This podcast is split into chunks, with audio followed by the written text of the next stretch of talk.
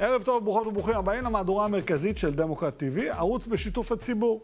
הערב במהדורה המרכזית תהיה איתנו אורלי בר-לב, עם סיכום השבוע החולף במשפט נתניהו, ולקראת השבוע הנוכחי במשפט. לאחר מכן יהיה איתנו עורך הדין ברק כהן, אחרי שהמציאות יצרה בשבילו עוד סצנה סוריאליסטית משהו, כשהוא נחקר במשטרה בעקבות פרסום תמונה שלו לבוש כשוטר בסדרה, חיכיתי להגיד את המילה, מנאייק. ישי הדס גם ישוחח איתנו מרומניה, גבול אוקראינה. ישי הוא נציג תנועת Crime Minister, והם נמצאים שם ועוזרים לפליטים בשם כולנו. ולסיום יהיה איתנו עורך הדין דניאל חקלאי, ועורכת הדין זהבה לייב, קובוביץ', על דוחות מפגיני בלפור, שכעת אפשר לבטל, אל תעזבו. וגם, על האם ממשלת השינוי הביאה איתה גם את משטרת השינוי, או שמא הכל נשאר אותו דבר.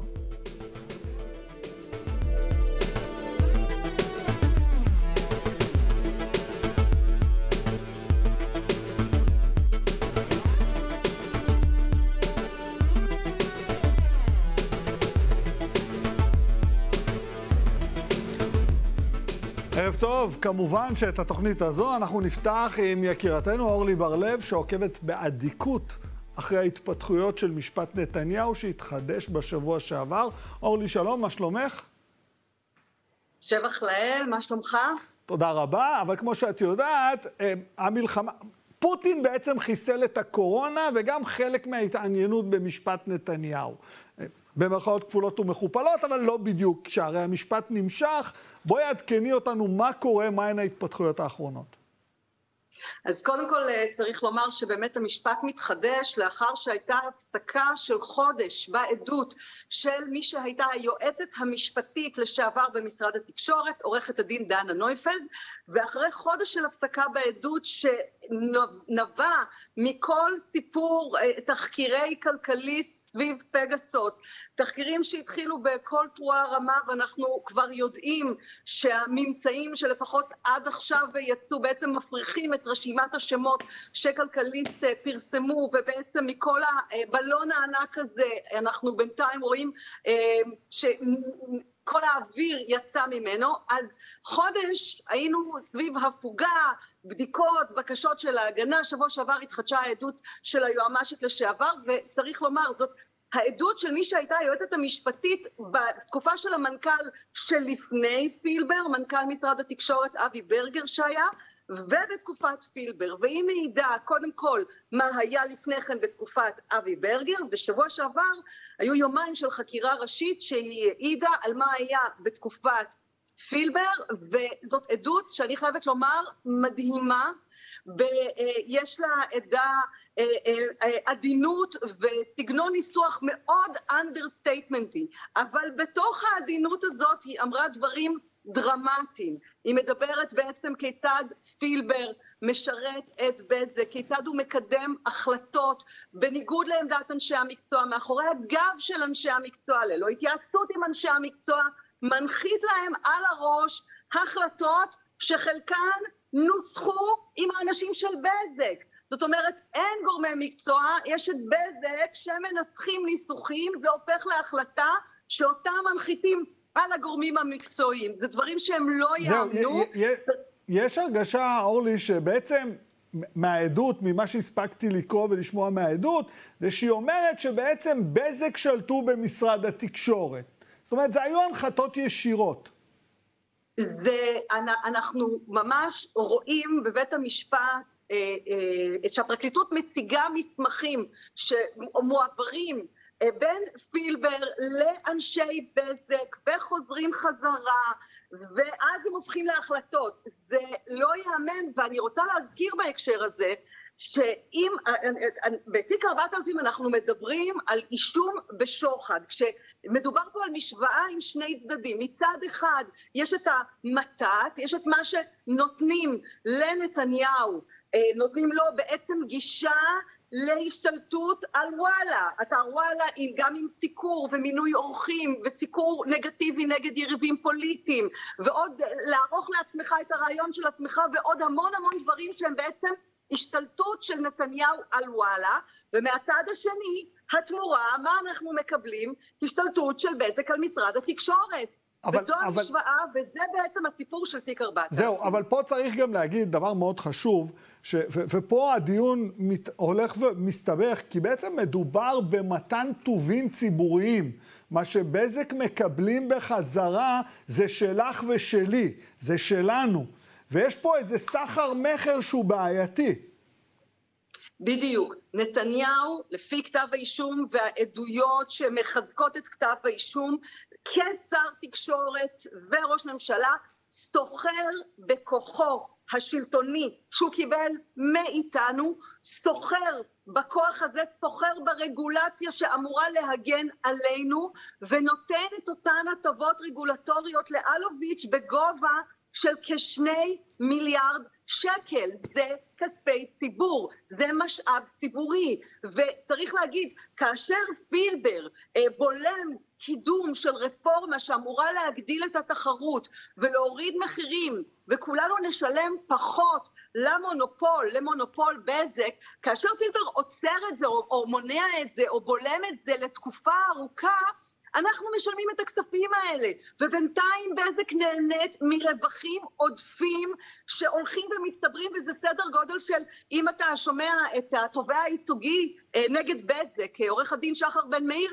הוא מדבר על מיליארד שקל בשנה שיש לבזק רווח עודף, לא רווח, רווח עודף, את האקסטרה של האקסטרה.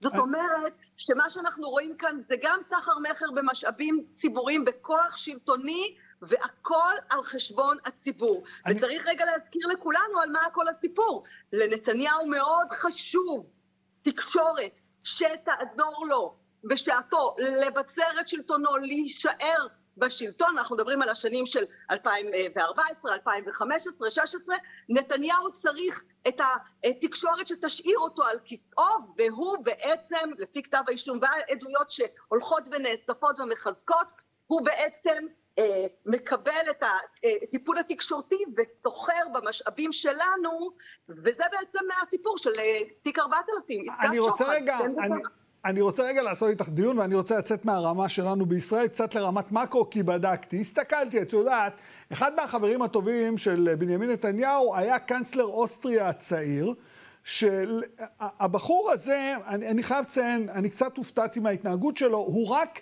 נחשד עדיין לא נפתחה חקירה, הוא נחשד בסיקור הוגן, הדיון היה מול אחד מהעיתונים הגדולים באוסטריה, שגם מחזיק אתר, ועצם קיום החשדות, מתוך המפלגה שלו עלו קולות, והוא התפטר עוד לפני תחילת החקירה. האם יש הקבלה בדיון של המשאבים הציבוריים וה, והסיקור האוהד למה שקורה בישראל? כי לנו אמרו שבעולם זה לא קרה, אין כזה דבר.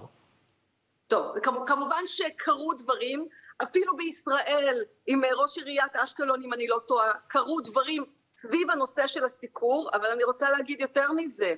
מה שקרה, לפחות ממה שאנחנו יודעים, החשדות נגד אותו קאנצלר אוסטרי לשעבר, הם הרבה יותר קטנים ומצומצמים ממה שיש נגד נתניהו, כי נתניהו קיבל לא רק מה שמכונה סיקור אוהד, או בוא, בוא, בוא נדייק יותר, סיקור שמוטה לטובתו, זה לא סיקור אוהד, זה סיקור שמוטה לטובתו, אבל זה לא רק זה, נתניהו קיבל גישה לתוך אתר חדשות לשליטה בהרבה רבדים, גם כתבות שמחמיאות לו ושטובות לו, אבל גם הוא זכה להשפיע על כך שהוא דרדר כתבות שלא נוחות לו וביקורות שלא טובות לו שנקברות, והוא זכה לקבל שליטה, לדחוף חומרים שליליים על יריבים פוליטיים שלו, והוא זכה להיות מעורב, אנחנו שמענו עדויות על המעורבות של משפחת נתניהו במינויים של האם זה יהיה הכתב הזה, או הכתב הזה, או העורך הזה, מזיזים עורכת שלא אוהבים אותה.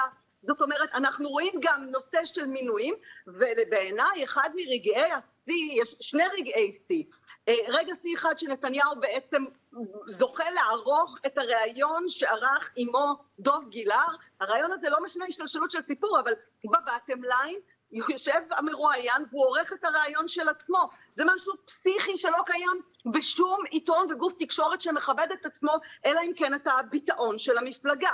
אז זה אחד, ואירוע דרמטי שני, והוא אירוע מכונן זה אותו סרטון, הערבים נוהרים, נעים לקלפיות באוטובוסים וכולי, הסרטון הזה, בניגוד לכל כלי תקשורת אחר, שוהה במשך שעות בדף הבית של אתר וואלה, בכותרת הראשית, לא בהקשר ביקורתי, לא בהקשר של וואו, תראו מה הוא אמר, אלא כמו שזה, as is. זאת אומרת, הדף הראשי של וואלה ביום הבחירות, במשך שעות, הופך להיות ערוץ התעמולה של נתניהו, ואנחנו יודעים מהעדויות ששמענו עד עכשיו, ניר חפץ ועוד, שהסרטון הזה הוא היה סרטון מכריע לניצחונו של נתניהו בבחירות. זאת אומרת, נתניהו לא רק קיבל גישה לעיתון ושליטה בתכנים כאלה ואחרים, נתניהו קיבל ניצחון בבחירות בין השאר בגלל השליטה הזו. אני, אני חייב לשאול אותך, לאור מה שאת אומרת ולאור מה שאני קורא ושומע,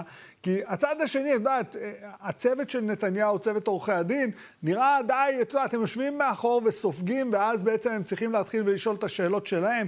לאור כל מה שאנחנו שומעים, מה הם, מה הם מכינים לנו לקראת השבוע החדש? איזה סוג של מתקפה, הגנה, מה הם מתכוונים לעשות? תראה, אנחנו יכולים אה, לראות מה הם עשו בשבוע האחרון. אז קודם כל צריך להגיד, אה, לנתניהו יש עורכי דין שעובדים במסירות וקפדנות, אה, סורקים כל מה שהם יכולים ומנסים לדוג כל מה שרק אפשר, אז מבחינת החריצות שלהם והמסירות שלהם, שאפו. אבל צריך להגיד שאנחנו רואים לא מעט אה, מניפולציות בדרך שבה ההגנה ניגשת לנושאים, בדרך שבה ההגנה שואלת את העדים שאלות. אנחנו ראינו גם כאלה, ביום רביעי האחרון התחילה החקירה הנגדית, וזה גם מה שעומד להיות בשבוע הקרוב. אז התחילה החקירה הנגדית, עורך הדין אה, ז'אק חן, פרקליטו של אלוביץ', אה, חוקר את העדה דנה נויפלד, ואנחנו גם רואים שיש רגעים שבהם הוא מציג מצג שהוא לא מדויק. אני אומרת את זה ב understatement, שהוא מציג מצג שהתביעה קמה ואומרת, רגע, זה בכלל לא היה ככה, ואז התביעה באה ואומרת, הנה, בעצם זה היה ככה וככה, ובתאריך הזה ככה קרה, ואז אומר עורך הדין אה, חן, אה, תודה לחברותיי שמתקנות אותי, או שמדייקות אותי, הוא לא יגיד מתקנות, הוא יגיד מדייקות. והאירוע הזה חוזר על עצמו פעמיים ושלוש, ואז אתה אומר לעצמך, אוקיי, פעם אחת בן אדם אולי, והוא באמת מבריק, אז אתה אומר, אולי, אולי פספס כאן, אולי הוא לא שם לב, אבל לא. פעמיים, שלוש, שהתביעה צריכה לדייק אותו, אז אתה כבר אומר, אוקיי, יכול להיות ש... אה, מראש מציגים את הדברים כמו שנוח להגנה זהו, להציג. אני, אני פה אני חייב לשאול... והתביעה צריכה לעמוד על המשמר כל הזמן ולראות שלא מוצגת תמונה שהיא חוטאת לעובדות ולמציאות. ותראי, אורלי, יש פה עניין שחייבים לדייק אותו. במדינת ישראל, הרי זה לא משפט מושבעים. זה, זה לא קיים, זה לא שאתה עושה הצגה עכשיו, יש שופטים. השופטים חייבים להכריע בדין לפי עדויות. זה סוג אחר, את יודעת, אנחנו גילים... לפי לפר... עדויות וראיות. בדיוק, אנחנו רגילים פרקליטי LA, אבל זה לא עובד ככה, כי זה יותר משעמם לדבר מול שופטים. והדיון עצמו, בסופו של דבר, הרי גם השופטים רואים את הניואנסים האלו. יש משהו, את יודעת, אני, אני מכיר את זה מתחום הפסיכולוגיה, יש אנשים שבאים ו, ופשוט צופים בשופטים, צופים במה שמתרחש באולם ועושים הערכות בכל שלב. ואני רוצה לשאול אותך, כי את מבחינתי זו שעוקבת אחרי המשפט בצורה הכי מדוקדקת. מה התחושה בבית המשפט? מה התחושה ממה שאומרים השופטים? לאן זה הולך? אני אגיד לך את האמת, אלה שופטים מאוד מקצועיים, אני לא חושבת שהם יודעים לאן זה הולך. הם אה, שומרים על, אה, אתה יודע, ללא משוא פנים, אה, מבחינתם הם מנהלים את הדיון באופן הכי ענייני, אי אפשר לדעת מה הם חושבים, אי אפשר לדעת האם הנרטיב האלטרנטיבי שמציגה ההגנה לסיפור שמציגה התביעה, האם הוא קונה אחיזה או לא, האם ההגנה כן מצליחה לכרסם בחלק מהדברים של התביעה או לא. אני יודעת מה אני חושבת כשאני רואה את התביעה ואת ההגנה, ואני יכולה להגיד בכל רגע נקודתי איפה השתכנעתי או לא השתכנעתי מצד זה או אחר. אבל להגיד לאן זה הולך ומה השופטים, אני לא יודעת. אוקיי, אני, אני כן יכולה להגיד אני רגע, לך, אני... אני כן יכולה, רגע, אני רק אגיד את המשפט הזה, אני כן יכולה להגיד לך שבעיניי הפרקליטות עד כה, עם כל העדויות, מבססת את כתב האישום, וההגנה, אם יש לה בנקודות מסוימות הישגים כאלה או אחרים, אלה עדיין לא הישגים שהם בליבת כתב האישום, וליבת כתב האישום עומדת על כנה. הצופים והצופות שלנו שואלים, ואני חייב לשאול אותך את זה, עסקת טיעון. הרי, ראי, לא יעזור כלום, זה הגולה הגדולה שיושבת לנו פה מאחורי הראש, זה מלחיץ לנו את הנשמה, אני לא בטוח שאני בעד או נגד, אני שואל אותך, עסקת טיעון בשלב הזה כן או לא?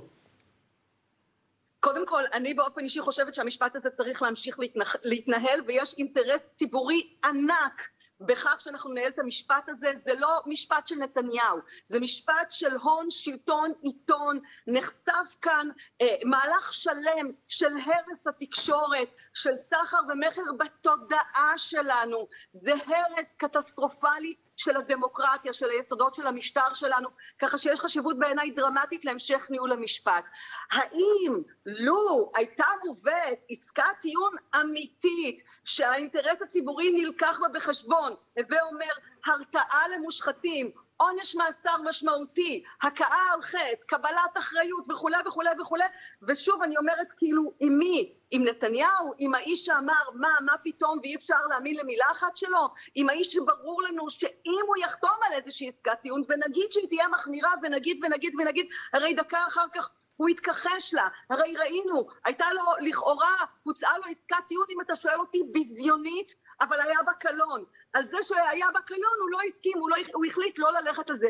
אבל זאת הייתה עסקת טיעון שהיא הייתה ביזיונית לכל מי שנלחם נגד השחיתות הציבורית והיא הייתה עסקת טיעון שמפחידה אני חייבת להגיד לכל מי שחשוב לו לשמור כאן לשמור ולקדם אה, אה, ניקיון כפיים בש, okay, אוקיי, בשלטון. אני רוצה, אני רוצה, לתת לך, אני רוצה לתת לך חצי משפט, אבל ממש חצי משפט, על כל הנושא של חוק האזרחות, כי איכשהו נראה לי ממשלת שינוי, ממשלת שינוי, לי נראה שחלק מהקואליציה וחלק מהאופוזיציה עשו יד אחת כדי להעביר חוק.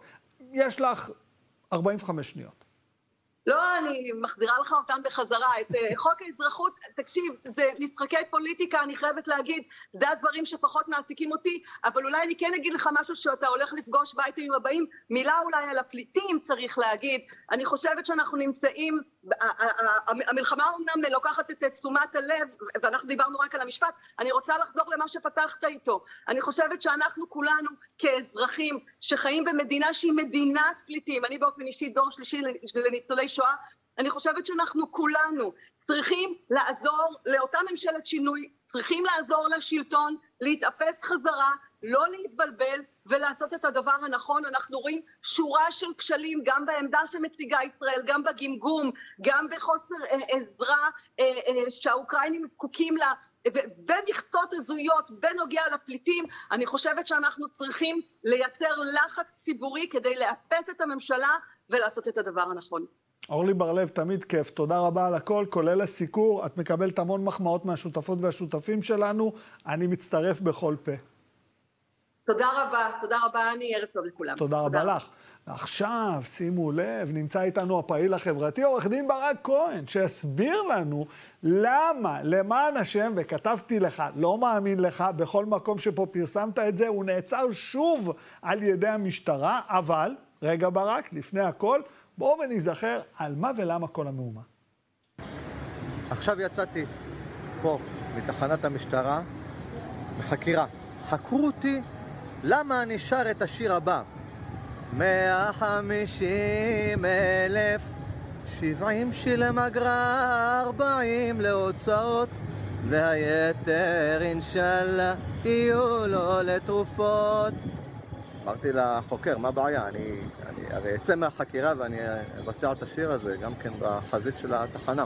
בכל אופן, משטרה, מדינה, כל העומר בר-לב, כל הקצינים, כנסו לי לתחת עם הדיקטטורה. יאללה. תגיד לי, עורך דין ברק כהן, אני צריך עכשיו ייעוץ משפטי, יבואו לעצור אותי כי שידרתי אותך משדר שיר שאסור לנו להשמיע? קודם כל הייתה לזה היסטוריה, הרי השוטר, אלון חמדני, תבע כלי תקשורת שהשמיעו שיר קודם שלי. הוא הפסיד בזה, אבל, אבל תביעה הוא הגיש בכל אופן. אני, אני צריך אה, להגיד שבעקבות השיר הזה אתה הורשעת בהעלבת עובד ציבור. לא, לא צריך להגיד את זה, כי זה פשוט לא נכון. אוקיי, אז תגיד לי אתה. בכלל לא נכון, זה בדיוק המחלוקת ביני לבין הפרקליטות כרגע. אני הואשמתי בגין כך שכתבתי שורה שלמה של פרסומים, מה שאני חשבתי כביקורת על עבודתו של אחד שהיה רכז מודיעין בשם אלון חמדני.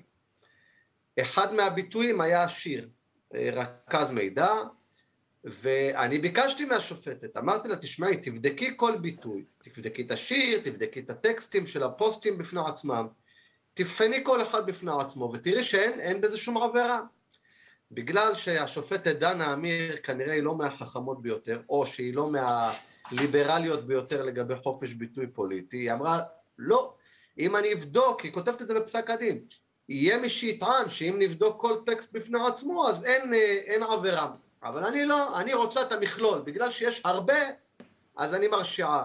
אבל בחינה של השיר עצמו, אם הוא העלבת עובד ציבור או לא, היא לא עשתה בכלל, אף אחד לא עשה עדיין. זאת אומרת שאם אני לוקח את זה עכשיו בחשבון, זה שהשמענו את השיר רכז מידע, זה סבבה. כאילו גם השופטת אומרת, אני, מה שיותר גדול יותר טוב. אני לא רוצה להיכנס לפרטים, אני מסתכלת על מכלול, אבל אתה אומר, השיר כרגע עומד כשיר, ואין בו דבר על מנת לפגוע במר חמדני אלון. יש, יש שני שירים. אחד, שהוא זה שהיה חלק מאותם פוסטים, הוא גם תבע אותי בקשר לשיר ההוא, זה שיר שנקרא רכז מידע.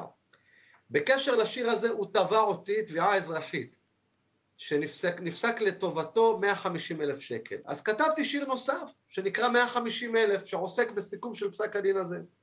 אז על זה נחקרתי עכשיו. אה, אני מבין. זאת אומרת, יש פה שיר על שיר על שיר. כאילו, אנחנו מתגלגלים. אבל הקנס שולם... הקנס שולם, יצאנו כבר מהסיפור הזה, אז מה עכשיו? אני אגיד לך במה אנחנו נמצאים. אנחנו נמצאים במתח מתמיד בין מנגנון שלטוני שאומר אני אפעיל את כל הכוחות שאתה תשתוק ויש פה נודניק שאומר אתה תגיד לי לשתוק אני אעשה עוד יותר רעש זה, זה בדיוק המתח. הם מתעקשים שאני אשתוק אני מתעקש שלא יעזור להם שום דבר וה, והכל יישמע. עכשיו תראה אני רואה פה תמונה שלך אז, אז זה מגיע לאבסורד. אז זה מגיע לאבסורד שאני נחקר על זה שבגלל שאני משתתף בסדרת טלוויזיה בתור שחקן אורח בסדרה בשם מנאייק שעל תג השוטר מופיע השם חמדני, אז הם אומרים זה עבירה. זה, זה המחוזות של ההזיה רגע, רגע, שאני אבין, התמונה שאני רואה שלך עכשיו זה לא פורים, זה אתה אשכרה שחקן בשכר. בתפקיד דרמטי היסטורי. או-הו-הו, יא חביבי, האמי קורא לברק כהן. עכשיו, אתה פרסמת את התמונה הזאת, כי... עכשיו, אני, מה מלחיץ אותי? בסט, ביום של הסט. אוקיי, ואתה על סט, אתה סגור, זה לא שהסתובבת והתחלת לעצור אנשים, יאללה, היית לה, תביא תעודות זהות. לא, ו... זה התמונה היא הרי עם התסריטאים, יוצר הסדרה, עם רועי עידן. אוקיי, ו- ומה קרה בעטייה של פרסום התמונה?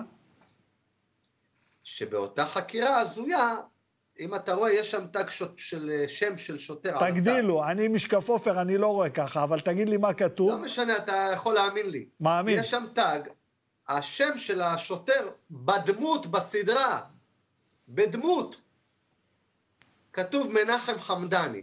עכשיו, בגלל שהשם של השוטר ההוא, אלון חמדני, אז הם אומרים, אתה ביצעת עבירה של העלבה. זה, זה רמת ההזיה שהגענו אליה. רק כי על התג כתוב חמדני? כאילו, יכול להיות שזה בן דוד שאתה אוהב של uh, מר חמדני ה... לא, גם, גם אם כתוב אלון חמדני, מה העלבה בזה? זה מותר. זה הרי הזיה הרי לחשוב שאדם מבצע עבירה רק בגלל שהוא אומר שם של מישהו. טוב, אני, אני חייב שתספר לי רגע, מה קורה כשאתה נכנס... לא, ברצינות אני שואל, כי לא האמנתי לך, חשבתי שאתה צוחק, אלא הנה אנחנו רואים אה, מנחם חמדני, מה קורה כשמכניסים אותך לתוך החקירה? כאילו, בחייאת, מה אומרים לך, ברק? אה, תשמע, קודם כל, אני, למרבה הצער, אני הרי כבר מורגל בטקס הזה של שלום ברק, בוא לחקירה. זה לא איזה משהו שהוא חדש לי. ואנחנו כבר יודעים את הדינמיקה הזאת, גם אני וגם החוקר, שרובם המכריע אומללים שבסך הכל נדרשו לשאול אותי שאלות, זה לא איזה גורמים אה, שמקבלי החלטות, זה חוקר שהוא בסך הכל היה במקרה הזה בחור נחמד מאוד, ואמרתי לו, תשמע, אין בעיה, מה אתה שואל? אתה אומר, אוקיי, יש, יש את השם שלך בדמות בסדרה, אבל מה העבירה, מה השאלה? אז הוא אומר לי, תשמע, אני לא יודע, אני שואל, אתה תענה, עזוב, אני לא נכנס לזה. הוא מסכן, הוא לא ידע אפילו מה, מה בכלל לייחס לי בתור עבירה מבחינת העובדות. אני רוצה להגיד לך משהו. זה מה שהיה שם. לא, לא, לא שאלו אותי שאלות אפילו, אתה יודע, שנגעו למעשה. אני, אני רוצה להגיד לך משהו, היו לי רעיונות הזויים בימי חיי, לא בגללך, זה אחד הרעיונות הכי הזויים שהיו לי, כאילו, עוצרים עורך דין. עכשיו, כאילו, ביני לא ובינך... עצרו, חקרו. אוקיי. קראו לחקירה עורך דין. עכשיו, ובינך כן. כבר הרבה פעמים עושים לך את זה, אתה כבר, לא יודע, זה, זה נראה לי, אם אני מדבר על זה ברצינות רגע, יש פה בעיה מהותית בתפיסה שלנו את הדמוקרטיה ואת האנשים שמייצגים את החוק. אני לא יכול לחלוק עליך בעניין הזה. יש פה, יש פה יחסי כוח בין הגוף שנקרא משטרת ישראל לבין האזרחים, שכל פעם שמישהו מעז להרים את קולו כנגד הגוף הזה, אז נעשה שימוש בכלים שניתנו למנגנון האלה ככלי אכיפה בתור כלי נקמה. עכשיו תשים לב, מבחינת, ה... ניקח את העבירה הזאת של העלבת עובד ציבור. הרי עובדי ציבור הם מכלל המנגנונים השלטוניים. הם לא רק מהמשטרה, יש מערכת המשפט, יש מערכת הבריאות, לא משנה, יש כל מיני, הממשלה והרשות המבצעת היא מגוונת. הרוב המכריע של חקירות בהעלבת עובד ציבור זה בקשר לשוטרים. שוטרים, כן. זאת אומרת, יש פה סיטואציה שבה המנגנון שאחראי על אכיפת החוק מנצל את הכוח שלו כדי להשתיק גורמים שמבקרים אותו, וזה אגב אחד השיקולים ברקע של אה, ביטול הסעיף הזה כרגע שעומד על הפרק, זה גם כן נתון שצריך לקחת אותו בחשבון. בסופו של יום, שוחררת, יש המשך לחקירה הביזארית הזאת? משהו, אתה יודע? ההמשך יהיה שהפעם אני הולך להגיש נגדם תביעה על העניין הזה. Okay. אוקיי. הפעם אני לא הולך להעביר את זה כמשהו חלק. גם השוטר יקבל תביעה, גם המשטרה תקבל תביעה. אני לא בובה שעכשיו כל שני וחמישי יגידו, בוא, זימנתי אותך ואתה תהיה, איך זה נקרא, מריונטה שלי. מתי יום הצילומים הבא שתעלה תמונה עם אותם מדים? תשמע, אני מצפה שנוכח התפקיד הזה כבר לקבל הצעות יותר אה, ידעתי, ידעתי, בהוליווד. ידעתי. לא שאני חלילה מזלזל במנאייק המופלא, אבל... איך אתה, איך אתה אוהב כזה... את זה? אני אוהב אותך יותר. גם אני אוהב אותך. אני מאחל לך המשך הנאה מהסדרה מנאייק, וש... שיפסיקו לחקור אותך כל שנייה על השטויות האלה, כי אני רוצה להגיד לך, אתה יכול לעשות דברים אחרים גם כן, חוץ מאשר להיכנס ולצאת מתחנות משטרה, לא ככה? האמת שאני עסוק מאוד, גם בעריכת דין, גם במוזיקה, גם בתקשורת שיש את הפינה אצל גיא זוהר, וגם עם הבת שלי המהממת, אז האמת שיש לי מספיק מה לעשות, אני לא זקוק ל... לעיסוקים בשעות הפנאי ממשטרת ישראל. טוב. מה אני יכול לאחל לך? ברק, שיהיה לך אחלה ערב, שיפסיקו לשגע לנו את השכל עם השטויות האלה. תמשיך ליהנות ולשיר, חביבי. ערב טוב. תודה, אחי. תודה, ביי ביי. אחרי ה... באמת, כאילו, משטרת ישראל, כי השר עומר בר-לב, מה, מה קורה איתכם? כאילו, תסתכלו על הנתונים. אה, ועכשיו הישר מגבול רומניה-אוקראינה, נציג תנועת Crime Minister מר ישי הדס, שעזב הכל ונסע לעזור לפליטי המלחמה בגבול. שלום ישי, ערב טוב. פנו אליי? כן, פנו אליך, ישי, ערב טוב, מה שלומך? אהלן, מה שלום כולם? אה, אני בקושי שומע אתכם כי יש פה הרבה רעש מסביב. הכל בסדר, אנחנו נתגבר גם על הרעש. ספר לנו מה קורה בגבול, מה, מה קורה סביבך? מה שקורה בגבול זה מאוד עצוב. אה, המון המון המון פליטים שמסתובבים אה, ימים ארוכים בדרכים באוקראינה, בדרכם מערבה. ומגיעים לכאן, אה, במקרה זה נקודה שנקראת סירט בגבול האוקראיני-רומני, ולוקח להם הרבה זמן להיכנס, ואז הם נכנסים פנימה סוף סוף, אה, רעבים, מותשים, קר נורא, עכשיו מינוס מעלה בטח, אה, קור כלבים, ובצד השני מחכים להם הרבה ארגוני NGOs, כל מיני חבר'ה מכל העולם, יש פה, באמת, ראיתי פה הולנדים וטורקים וישראלים, אנחנו פה עמותת אה, חוזה חדש, קריים מיניסטר, שהתגייסנו ואנחנו הבאנו לכאן צוות אה, קטן, שאולי עוד יגדל קצת, והתמקמנו כאן, הגענו שלשום. ו... וזהו, והיום מה שאנחנו עושים, בואו תראו, החלטנו להתרכז כאן בילדים שמגיעים, והכנו להם צמר גפן מתוק, קנינו היום מכונה של צמר גפן מתוק, ואנחנו עושים ומחלקים לילדים צמר גפן מתוק. ישי, יש לי שאלה, מעבר לעבודה המדהימה שאתם עושים שם, גם כדי, אתה יודע, לעזור בסול... אנחנו נותנים לילדים אה, צמר גפן מתוק, ורואים את החיוכים שלהם, ו- וזה עושה לנו יון טלוויז'ן. Hada Tsaitsha. בון אפיטי. Hada Tsaitsha. אנג'וי, אתם רואים איך הילדים, אה, כולם אוהבים צמר גפן מתוק וורוד, ואנחנו מאחלים לכל הילדים המקסימים האלה עתיד ורוד אה, בהמשך הדרך. זהו, בוא, בוא נדבר רגע על לא העתיד פשוט. הוורוד. ישי, בוא, בוא נדבר על העתיד הוורוד והמשך הדרך. ברגע שאתם מקבלים אותם שם מעבר לגבול, מה השלב הבא? ל- לאן הם הולכים האנשים האלה? יש אוהלים, יש זה נורא בתים? תלוי. תראו, כל מדינות ה-EU מקבלות אותם, בניגוד לישראל שיש איזושהי בעיה שמקבלת בעיקר יהודים, אז אה, מדינות ה-EU אה, מקבלות אה, כל אחד אה, באשר הוא. אה, פגשנו עכשיו כאן, ממש לפני כמה דקות, חבר פרלמנט אה, הולנדי, שבא לראות מה קורה, ויש החלטה של... אה, אני לא יודע מה הכמות שהם הקצו, אבל בכל מקרה, אה, כל מדינות אירופה פשוט לוקחות אותם, נותנות להם אה, מקלט. ואצלנו אנחנו מכירים את הבעיה, שאנשים שלא מצליחים להוכיח ישר ולעניין שהאימא שלהם היא מאה אחוז יהודייה, יש להם קצת בעיה. אני אגיד לך, ישי, ת- אני רוצה כן. שהוא יראה אותי. אני אגיד לך, תראה, היום ראיינתי את חבר הכנסת יואב קיש בצהריים, והוא אמר לי את הדברים כן. הבאים. הוא אמר, תשמע, כן. אנחנו מדינה יהודית.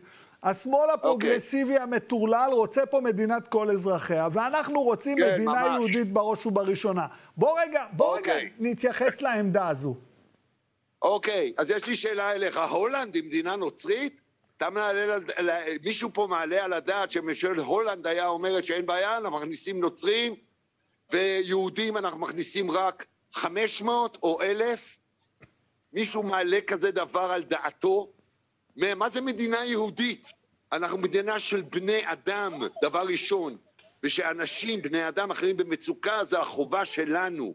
אז אנחנו יכולים לתת העדפות ולתת אזרחות אוטומטית לכל יהודי באשר הוא יכול להוכיח שאמו יהודייה כשרה על פי חוק ה... על פרי ההלכה ובהתאם לחוק השבות.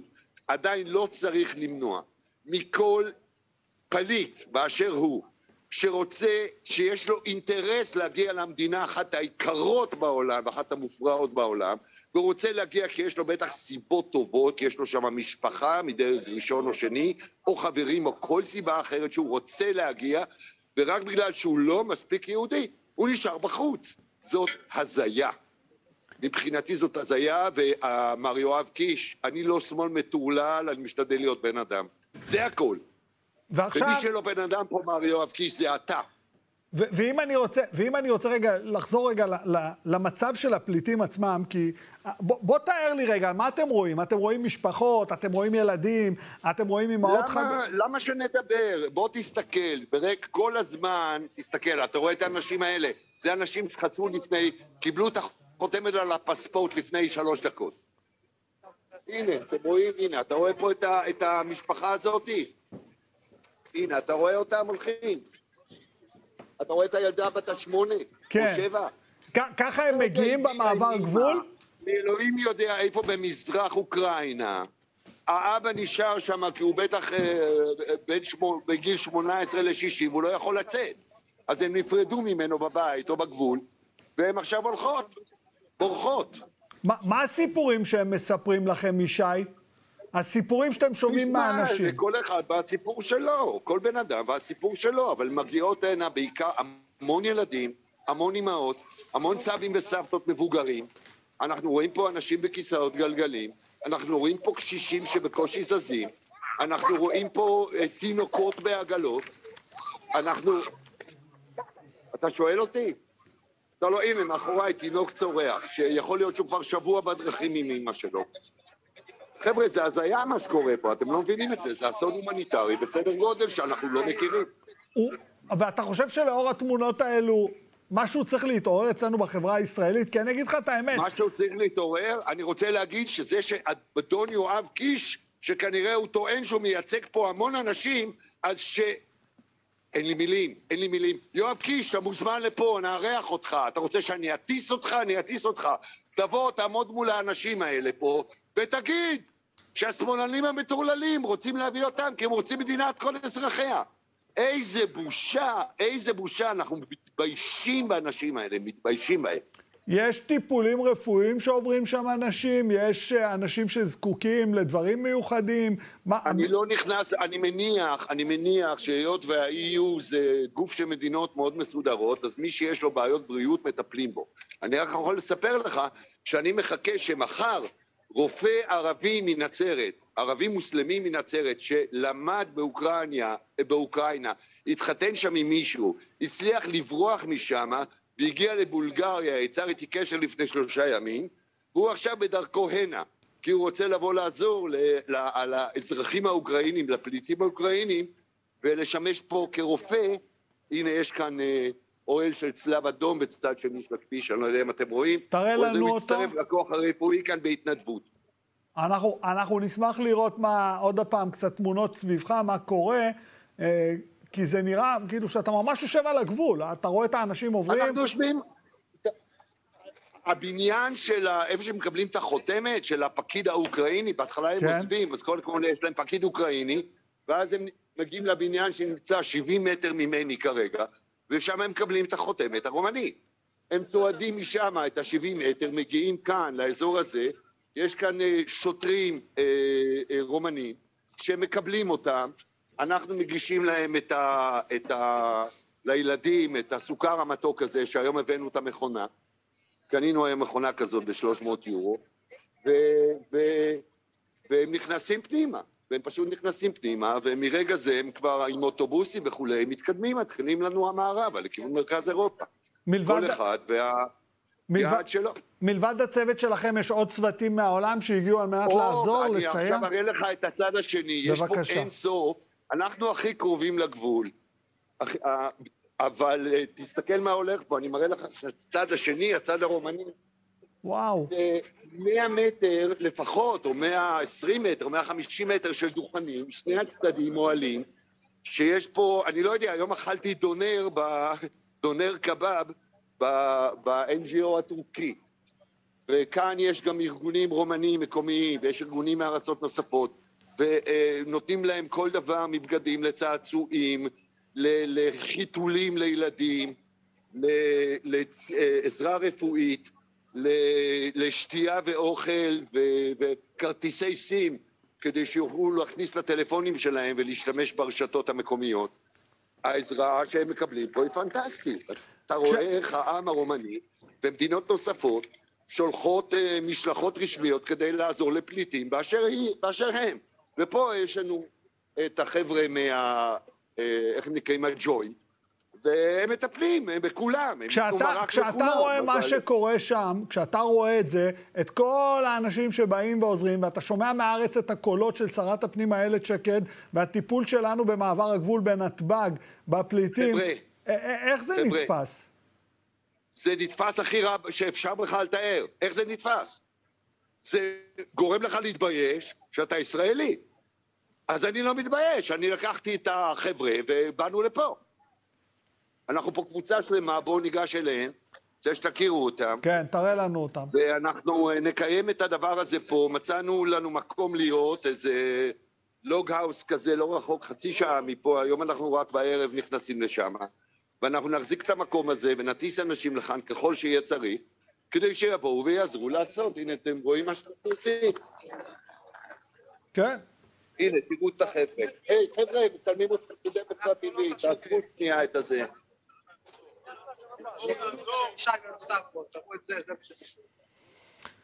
עושים, זה צמר גפן מתוק, ומחלקים לילדים. כן, יפה מאוד. ומים, כל דבר שאנחנו יכולים. טוב, כמה אתם נמצאים שם? כרגע? אנחנו עושים פה. כמה אתם נמצאים שם, ישי, כרגע? אנחנו ברגע זה שישה, מחר בערב אנחנו מצפים לעוד שתי בנות, עוד אחת צריכה להגיע, מחר תגענה עוד שלוש בנות, ואז נהיה תשעה, ואז חלק מאיתנו שצריכים לחזור לעבודה ולחיים שלהם יחזרו, ויגיעו במקומם אחרים, אנחנו נהיה פה משלחת קבועה של תשעה אנשים, as long as it's needed. זה כאילו... ונקווה שהמלחמה תסתיים מהר, ו... ושלא יצטרכו אותנו פה ונוכל לחזור לחיינו. אז אנחנו יכולים להגיד שבעצם מחאת בלפור עושה התמרת מטרות ועוברת עכשיו לגבול אוקראינה? מחאת בלפור זה קצת גדול, אני לא יודע, אבל בוא נגיד שרוח בלפור, רוח בלפור, שהיא לא הרוח של יואב קיש, הגיעה גם לתחנת הגבול סירט בגבול רומניה. ישי הדס, תודה רבה לך שהצטרפת אלינו. תמשיכו לעשות טוב ולפזר שם טוב לישראלים. שיהיה לכם ערב מצוין וחם. תודה רבה לכם, חבר'ה. ביי, חבר'ה, תודה רבה לכם. באמת שזה מבייש. אוי, זה קשה. כן, התמונות הן קשות, אנחנו רואים את זה, אנחנו נמשיך לדווח מהגבול. ועכשיו לסיום מצטרפים אליי כאן באולפן, עורך הדין דניאל חקלאי, מומחה במשפט פלילי ועברות צווארון לבן, ערב טוב, מה שלומך? ולצידו עורכת הדין זהבה לייב קובוביץ', עורכת דין ומגשרת אשר שירתה במשך כ-30 שנים כתובעת משטרתית ויועצת באגף חקירות ומודיעין במשטרת ישראל, ושבזמן הפגנות בלפור הקימה את פורום עורכי דין למען חופש המחאה, וכעת לפואנטה. בזכות העובדה ששניהם, מפגיני בלפור, קיבלו דוחות שיכולים עכשיו לבטל אותם. כן או לא? אולי. אולי. אני, ת, תן לי, לה, תמיד הורסים לי. תתחיל. תגיד, יש סיכוי גבוה. יש אה, סיכוי מסוים. אוקיי. אני מקווה שאני לא מבאס אותך, אני רק חייב לומר שאני מאוד מתרגש לראות את התמונות האלה מהגבול, ואני מיד חושב על אלה שתמיד אה, אומרים, עניי עירך קודמים, דווקא הם אלה שאף פעם לא דואגים לעניים בעיר שלנו. יש מקום לדאוג קודם כל לעניים הישראלים, ובמקביל גם לאנשים האומללים שם באוקראינה. לגבי הנושא שלנו, תראה, מדובר כאן במכלול, אני אדבר ממש ככה בראשי תיבות, כי אין לנו הרבה זמן. יש לנו זמן, תגיד לי מה יש יש? לך. אוקיי. כן? תראה, אה, אז ככה, אה, מדובר אה, באלפי מפגינים, לעיתים עשרות אלפי מפגינים, בבלפור, במתחם של ההפגנות בכיכר פריז ובבית אגרון. אה, במקביל מדובר במאות אלפי ישראלים שהפגינו. בתל אביב, בחיפה, בבאר שבע, בכל הכיכרות והגשרים והצמתים. האנשים הללו קיבלו אה, קנסות אה, במספרים מופרזים, לעיתים במספרים מופרכים מהמשטרה וגם מהפקחים. אני מדבר על אה, קנסות חנייה אה, כאשר אנשים לא מצאו חנייה ליד כיכר פריז, נושא שזהבה עסקה בו הרבה. אני מדבר על קנסות בגין אי עטיית מסכה, כשאנשים הורידו לרגע את המסכה כדי לשתות או לאכול. אני מדבר על קנסות אה, שקריים, כוזבים. אה, בגין אה, סירוב להתפזר כאשר המשטרה כרזה להתפזר. אגב, לא בטוח שבמדינה ליברל דמוקרטית המשטרה יכולה לקרוז להתפזר, אבל אני מניח את זה בצד. ועוד כהנה וכהנה קנסות, כולל אחד שבוטל בידי בג"ץ בזמנו, בטענה שהוא אה, לא חוקתי. אותו קנס מפורסם של אסור להפגין מעבר לאלף מטר מרחק מהבית. אגב, למרות שבג"ץ הורה לבטל את הקנסות הללו, לא כולם בוטלו. ואנחנו לתדהמתנו ראינו או נחשפנו ב-26 ביולי 2020, ממש בתקופה שהמחאה אה, התלקחה, התפשטה בכל הארץ, כשהמוקד היה אה, בירושלים, אנחנו אה, שמענו את אותה הקלטה מדהימה של השר לביטחון פנים דאז, אז חכה פה, תעצור. אני עוצר, חכה, תעצור. עצרתי, יש לי הפתעה בשבילך. בבקשה. נחש מה? בואו נשמע את ההקלטה הזו. עכשיו בקריית הממשלה עשרה דוחות של 5,000, של 1,000 שקל על חסימת הצירים. הרגע. ניסו לחסום שם את הכנסת, קיבלו גם דוחות, גם מסכות. יש הפגנות שאנחנו... מפקד המחוז, מפקד המחוז. אה, אתה יודע שאני מאוד מעריך. אבל ונדליזם זה לא רק שמנפצים זגוגיות. ונדליזם זה גם ה... למרר את החיים של התושבים, לבזות את סמלי המדינה, כמו שקרה אתמול, לחסום את הכניסות לכנסת, לחסום את הכבישים, גם זה ונדליזם, ובוודאי ובוודאי תקיפת שוטרים, שאני לא צריך להגיד לך שחוויתם גם בימים האחרונים. זה לא דבר שאתה יכול להשלים איתו, וזה לא דבר שאנחנו יכולים להשלים. אתה יודע, אני אגיד לך, אני פעם הייתי אה, קורא מאוד מושבע של ספרי מתח. והיה תמיד בספר מתח, יש, אחר כך למדתי איך כותבים ספרי מתח, והייתה, תמיד בספרי מתח הייתה את השיחה המרומזת. זה נקרא The Implied Conversation. נכון. אה, בסרט, תן לי רגע למשוך את זה לפינקל פוינט, בסרט הסנדק הראשון, השיחה המרומזת נגמרה עם ראש של סוס במיטתו של אחד האנשים, או דג שנשלח לאחד האנשים. עכשיו, אין יותר דרך להסביר מהי שיחה מרומזת ברמה של מדינה, שר לביטחון פנים והניצב שהוא מפקד כל ירושלים. אין דבר כזה. אז אני אומר כך, קודם כל היום בדיוק אנחנו מציינים 50 שנה לאותה יצירת מופת גאונית של פרנסיס פורד קופולה, הסנדק אחת. אה, זה אחד. שתיים, חשוב לי לומר, דווקא שר שמגיע אה, מקבוצות מיעוט מוחלשות, מזרחי, הומו, תלינו בו תקוות. האיש הזה הפך להיות לצערי השר לביטחון משפחת נתניהו. אה, זה הרבה יותר ממרומז, זה בוטה. הוא אומר לו, אני רוצה לאתגר את פסיקת בג"ץ שמתירה את ההפגנות שם. אני רוצה שתעזור לי לשבור את ההפגנות, כלומר להשתמש בכוח של משטרת ישראל במונופול של הכוח ששייך למשטרת ישראל כדי לדכא הפגנות מטעמים פוליטיים. זה חמור מאין כמוהו ועוד מעט זהבה תרחיב ואתה תראה אה, שמדובר בחלק ממכלול. הייתה שם אלימות משטרה קשה למרות שהרוב המכריע של המפגינים והמפגינות היו אנטי אלימים וחילקו פרחים לשוטרים. היו שם קנסות מופרכים לחלוטין למרות שמדובר באנשים שמקפידים על שלטון החוק, אנשים שהפגינו למען שלטון החוק, למען המשטר הדמוקרטי, למען טוהר המידות וזכויות האדם. אתה יודע מה?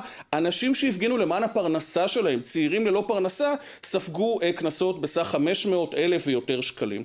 אנחנו החלטנו להגיש עתירה לבג"ץ, חשוב לי לציין, גם את יוזמת העתירה, תמר גרשוני הירשפלד, אישה מדהימה, גם מאות אנשים שתרמו מימון המונים כדי לממן את הייצוג המשפטי, אה, ולשמחתנו בג"ץ לא דחה את העתירה על הסף, אה, הטענה שלנו שמדובר באכיפה בררנית, באכיפה אה, לא שוויונית, בפגיעה בשלטון החוק, לאור הדברים המדהימים של מפקד המחוז, שאומר לשר אה, לביטחון פנים, אנחנו חילקנו אכן קנסות בכמות חריגה. זה דבר לא נתפס, יש כאן פגיעה עמוקה בעקרון השוויון.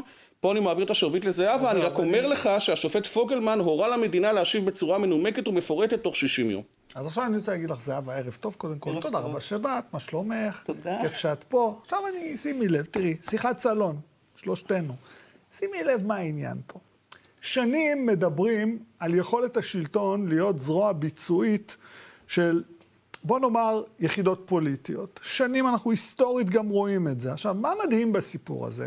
ואני פה רוצה להתחבר אה, לדברים של דניאל. נוצר פה מצב שיש פה יחידה אזרחית שסוף סוף מממשת את זכותה הדמוקרטית, ופתאום אנחנו מגלים את הדבר הזה. אז בוא, בוא אני אתחיל מההתחלה. קודם כל ההתחלה היא שהשם שלי זה עורכת דין זהבה לייב, ובלי קובובי, קובובי זה הרחוב שבו אני גרה. זהבה לייב. אבל אני רוצה להתחיל באמת בתמונה הרחבה, בפאזל הרחב. אנחנו רואים משטרה שמפעילה נגד מפגיני בלפור פרקטיקות נואלות. החל משימוש בלתי מרוסן באלימות, מעצרי שווא, שימוש במכתזיות בלי התראה נגד קשישים, ילדים, נשים, הפעלת סמויים בהפגנות האלה. ובעצם מה שאני מנסה להגיד, שהשימוש בדוחות משטרתיים היא עוד פרקטיקה אחת. לצד הפרקטיקות הנואלות האלה קיימת עוד פרקטיקה, שבה באה המשטרה, מכניסה את ידה בגסות לכיסו של המפגין, ואומרת, רגע, אני אפעיל עליך לחץ כלכלי, כדי שאתה תחשוב פעמיים אם להגיע להפגין. אני אתן לך קנסות משטרתיים, קורונה ואחרים. כמו שדניאל אמר, ברוח המפקד, ברוח של ההקלטה הזו של, אה, של אה, מה ששמענו. מה שאני רוצה להוסיף זה שהקנסות האלה, דוח, דוחות הקורונה, ניתנו תוך הפרה גסה של נוהלי המשטרה, שנכתבו יחד עם משרד המשפטים. מי כתב את הכללים האלו? משרד המשפטים בשיתוף המשטרה. נוהלי משטרה הם כאלה שמסדירים את המגע הכל כך חשוב והכל כך רגיש בין המשטרה לבין האזרחים, ולכן נכנסים שם לפרטים שלא נכנסים בחוק.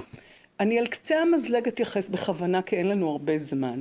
אז לפי נוהלי המשטרה, היה על המשטרה למסור את הדוחות האלה ביד. זה כתוב במפורש, אין לשלוח אותם בדואר.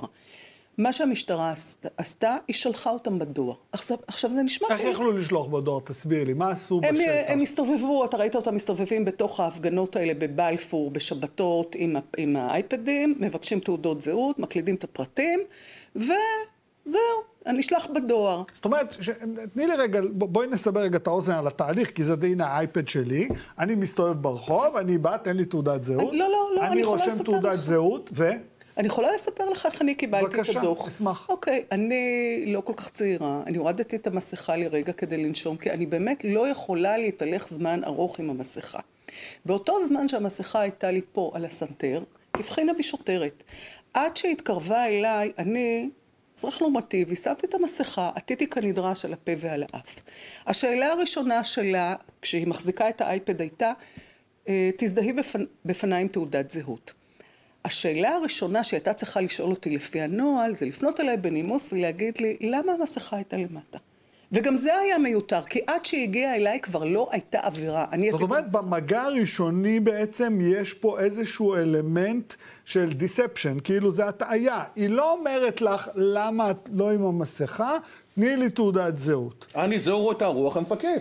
כן. לא לשמור על זכויות האדם והאזרח, כן. אלא לדכא את ההפגנות הללו. את הבנת שאת מקבלת דוח ברגע שהיא רשמה את התעודת אה, זהות? ברור שהבנתי. עכשיו, אני עוד מנסה להגיד לה, אבל תראי, יש לי מה לומר, בואי תרשמי את מה שיש לי לומר, אני רק הורדתי את זה לרגע, תפעילי שיקול דעת, אני עוד לא מכירה באותה עת את הנהלים.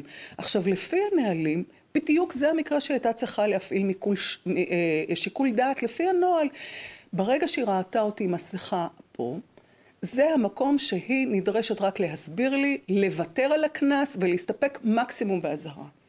במקום זה, היא גם לא רושמת את התגובה שלי, היא אומרת לי, אני ארשום אחר כך, כשאני מתפלאת, איך תרשמי אחר כך? אחר כך את לא תזכרי. ואז היא מסובבת את הגב והולכת לדרכה. זה המפגש בין מפגין בשנת 20 לבין המשטרה. והדוח... וכשזה קורה, וכשזה קורה, כי זה חשוב, כי פה יש גם אלמנט של הטעיה, שהוא די ברור, כשיש פה רוח המפקד, כמו שאמרת, בוא נצליף בהם בשוטים ועקרבים.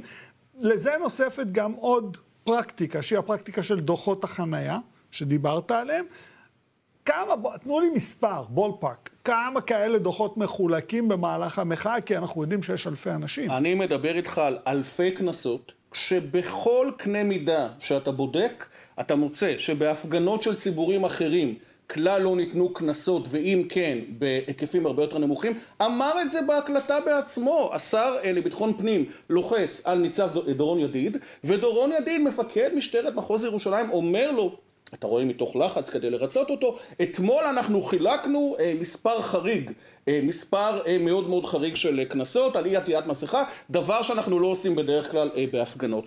אלפי קנסות על עשרות אלפי אנשים, אגב מתוכם בזכות אותה תמר גרשוני הירשפלד שיזמה את העתירה, היא העותרת הראשונה, מתוכם 400 אנשים אה, העניקו לנו את הזכות אה, לדעת בדיוק מתי הם קיבלו את הקנסות, איפה הם קיבלו את הקנסות, תאריך, מיקום, נסיבות אה, קבלת הקנס, וכך יכולנו להגיש לבג"ץ בעתירה מכלול נתונים שמלמדים פה באמת על הפרה בוטה של עקרון השוויון ועל ניצול פוליטי של המשטרה, וזו אכיפה בררנית מטעמים זרים. הני זה חמור. אה, יש לנו בכלל מה לדבר, זה, זה נוגד את עקרון הדמוקרטיה. אני, אני רוצה לשאול כאילו, כי יש פה גם סיסטמטית, מה שאת מספרת במקרה שלך, הוא לא יחידני. זאת אומרת, זה היו עוד נשים שעברו, אנשים וגברים שעברו בדיוק את אותו מהלך. כן, אנחנו בפורום עורכי הדין קיבלנו הרבה תלונות, גם לנושא של דוחות קורונה וגם לנושא של דוחות חנייה.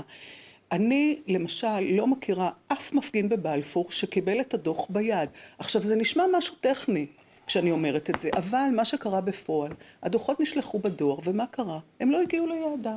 ואיך מפגין לומד על זה שיש לו דוח? הוא מקבל טלפון ממנהל הבנק שמודיע לו שחשבון הבנק שלו מעוקל, או שמקבל הודעה ממרכז לגביית קנסות שהקנס של 500 השקל או של 1,000 השקל אם מדובר בשני דוחות תפח לאלפי שקלים כיוון שהוא לא קיבל את זה בדואר והוא לא ידע. ואז אותו מפגין שבעצם בקושי מרים את הראש מעל המים שמתמודד עם קשיי פרנסה בגלל הקורונה שאיבד לפעמים את פרנסתו שיצא לרחובות וחזר מצולק פיזית ונפשית כתוצאה מהמגע למשטרה עם המשטרה צריך עכשיו להתמודד עם משהו חדש שנפל עליו, חוף באלפי שקלים שהוא לא יודע מה לעשות, והוא מתחיל להתרוצץ בין הבנק לבין המשטרה לבין המרכז לגביית קנסות. שזה לפעמים אנחנו שמענו סיפורים קורעי לב על האכזריות הזו שבתוך הכנסת האזרחים לספח כזה.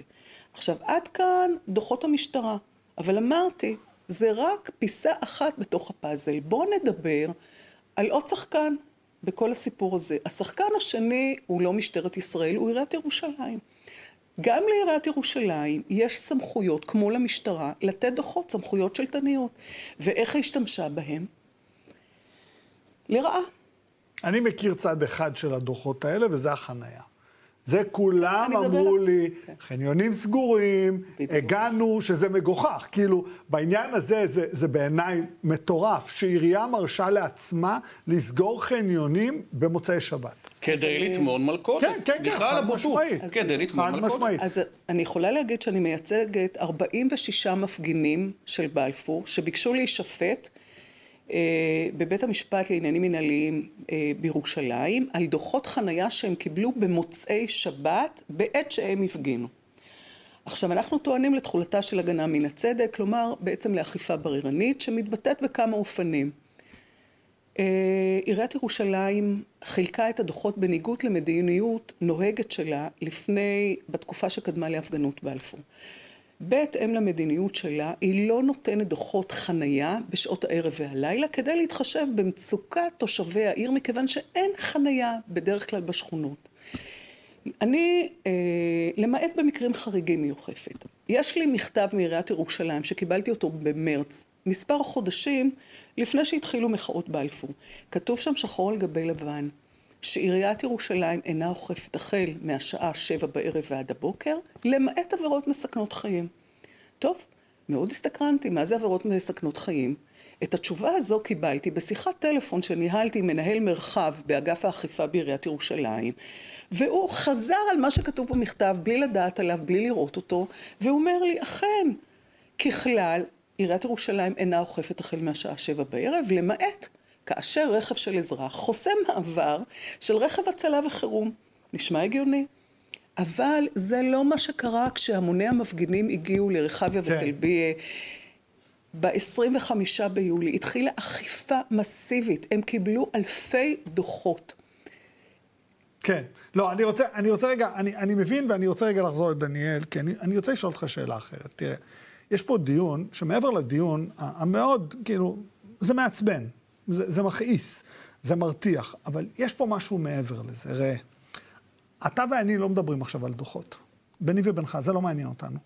אה, האלימות קשה, פוגעת, אבל זה לא רק האלימות לשמה. אנחנו מדברים פה על בעצם, יש פה כרסום יסודי של האנשים שאנחנו בחרנו למשרות ציבוריות, בערך החשוב ביותר שמחזיק אותי ואותך ביחד, עם כל ה construct הזה, וזה הדמוקרטיה. בדיוק ככה. בדיוק ככה. תראה, אה, אם באמת נביט בדברים ממעוף הציפור, כן. ונדבר רגע במונחים של מדע המדינה, במונחים של משפט חוקתי, אתה יודע מה? במונחים של בני אנוש. אה, לצערי, יש מכלול סיבות אה, למה שאמרת. אני כמובן חותם על כל מילה שלך. אה, אנחנו מקיימים משטר צבאי מערכת חוקים מפלה בגדה המערבית מזה 55 שנה. אנחנו מפלים לצערי בהרבה מאוד היבטים את האזרחים הערבים. אה, יש כאן עדיין פערים כלכליים שיש להם גם חתך סוציו-אקונומי שמתחבר לחתך הדתי. יש מכלול תחומים, יש עדיין נושאים שנשים לא קיבלו בהן שוויון זכויות ועוד כהנה וכהנה. אבל מה שקרה כאן, ולטעמי זה הרעל הגדול של משטר נתניהו, לא רק הסתה כנגד ציבורים, לא רק הצגה של חלק מהציבור כבוגדים כי הם מתנגדים לראש הממשלה, אלא ממש שימוש בכוח השלטוני כדי לדכא זכויות יסוד, זכויות אדם ואזרח במובן החוקתי העמוק ביותר, כי בעצם הדוחות האלה, שזה חמור, זה פגיעה כלכלית, והאלימות הזו, שהיא מחרידה, אנחנו גם הגשנו תביעות פיצויים בשם מפגינים אה, כנגד אלימות המשטרה, ומעצרי השווא, שזה חמור מאין כמוהו, הכי חמור, וחקירות הפחדה שגם היו, והשתלת סמויים בהפגנות הללו, הדבר, הפרקטיקה אתה שמזכירה את אפילו לא אמרת הדיקטטורות. על צווי הרחקה. צווי הרחקה, סוף. חלק מהפרקטיקות לצערי מזכירות את אותן דיקטטורות צבאיות שהיו אז באמריקה הלטינית, כמובן לא כולל עינויים וכולי.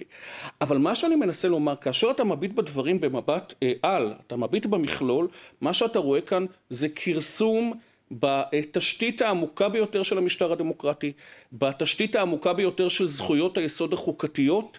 אה, הייתה כאן סכנה אמיתית, אני מקווה שהיא נבלמה. עדיין צריך גם למען המשטרה, אבל קודם כל למען הדמוקרטיה הישראלית ולמען זכויות האדם והאזרח, בדק בית עצום במשטרה. יש במשטרה חלקים מעולים, אנשים מעולים כמו זהבה שהייתה שם הרבה שנים, יש גם במשטרה חלקים, אה, לצערי שהריקבון פשע בהם, תרבות אה, של שקר, תרבות של כזב, תרבות של אלימות, לא כל המשטרה, אבל בהחלט חלקים שצריכים לעבור סידוד מערכות במובן הכי עמוק. חשוב גם להגיד, במובן הזה, אנחנו לא רוצים לשפוך את התינוק עם ה... חלילה. אנחנו צריכים להיות מאוד זהירים. משפט אחרון? אני חושבת שהשבר הנורא מכל בין ציבור המפגינים ובין יתר הציבורים מול המשטרה זה שבר של האמון. ומשטרה לא יכולה להתמודד עם האתגרים שעומדים בפניה אם היא לא משטרה שפועלת כחוק. משטרה חזקה היא כזו שפועלת כחוק. עצם האמירה שאת אומרת, משטרה פועלת שלא כחוק, אני רוצה להגיד לך, זה מזעזע אותי ליסוד. לחשוב שקורה כזה דבר במדינה שלנו לאנשים שכל מה שהם רוצים לעשות, בין אם אני מסכים איתם או לא, זה להפגין ולממש את זכותם האזרחית. נכון, זה יוצא שמפגינים בשנת 2021, שיצאו למחות נגד השלטון, חזרו עם תג מחיר. מעבר לצלקות בנפש ובגוף, הם חזרו באמת עם דוחות, עם דוחות של העירייה, עם דוחות של המשטרה, וזה לא יאה ולא מתקבל על הדעת במשטר דמוקרטי. ושוב רק נודה לכל התורמים שסייעו למימון הייצוג המשפטי, לכל המפגינים. חשוב מאוד. זה היבט אזרחי נהדר. דניאל חקלאי, זהבה לייב, תודה רבה שהצטרפתם אליי. אני רוצה להודות לכם שהייתם איתי. מחר בשעה 18 בערב תהיה פה לוסי אריש עם תוכנית חדשה של שיחות אישיות בארבע עיניים עם דמויות מרתקות בחברה הישראלית, והפעם עם כרמי גילון. ביום שלישי, תרצו או לא, אני פה שוב פעם בתוכנית מיוחדת בנושא חדשנות כלכלית בעולם משתנה. בינתיים אני אומר שלום ותודה רבה לכל הצופים והצופות שעזרו לי עם שאלות של דמוקרט TV, הערוץ, התוכנית הזו רק אפשרית בזכותכם ובזכותכם. בימים כמו אלו הולכת ומתחדדת החשיבות של ערוץ תקשורת שלא מפחד להביע עמדה נחרצת בעד הדמוקרטיה ובעד שלטון החוק, בעד המאבק בשחיתות ובעד מגוון של דעות. אם עוד לא הצטרפתם אלינו כשותפים, למה אתם מחכות ומחכים? אנחנו כאן. לילה טוב.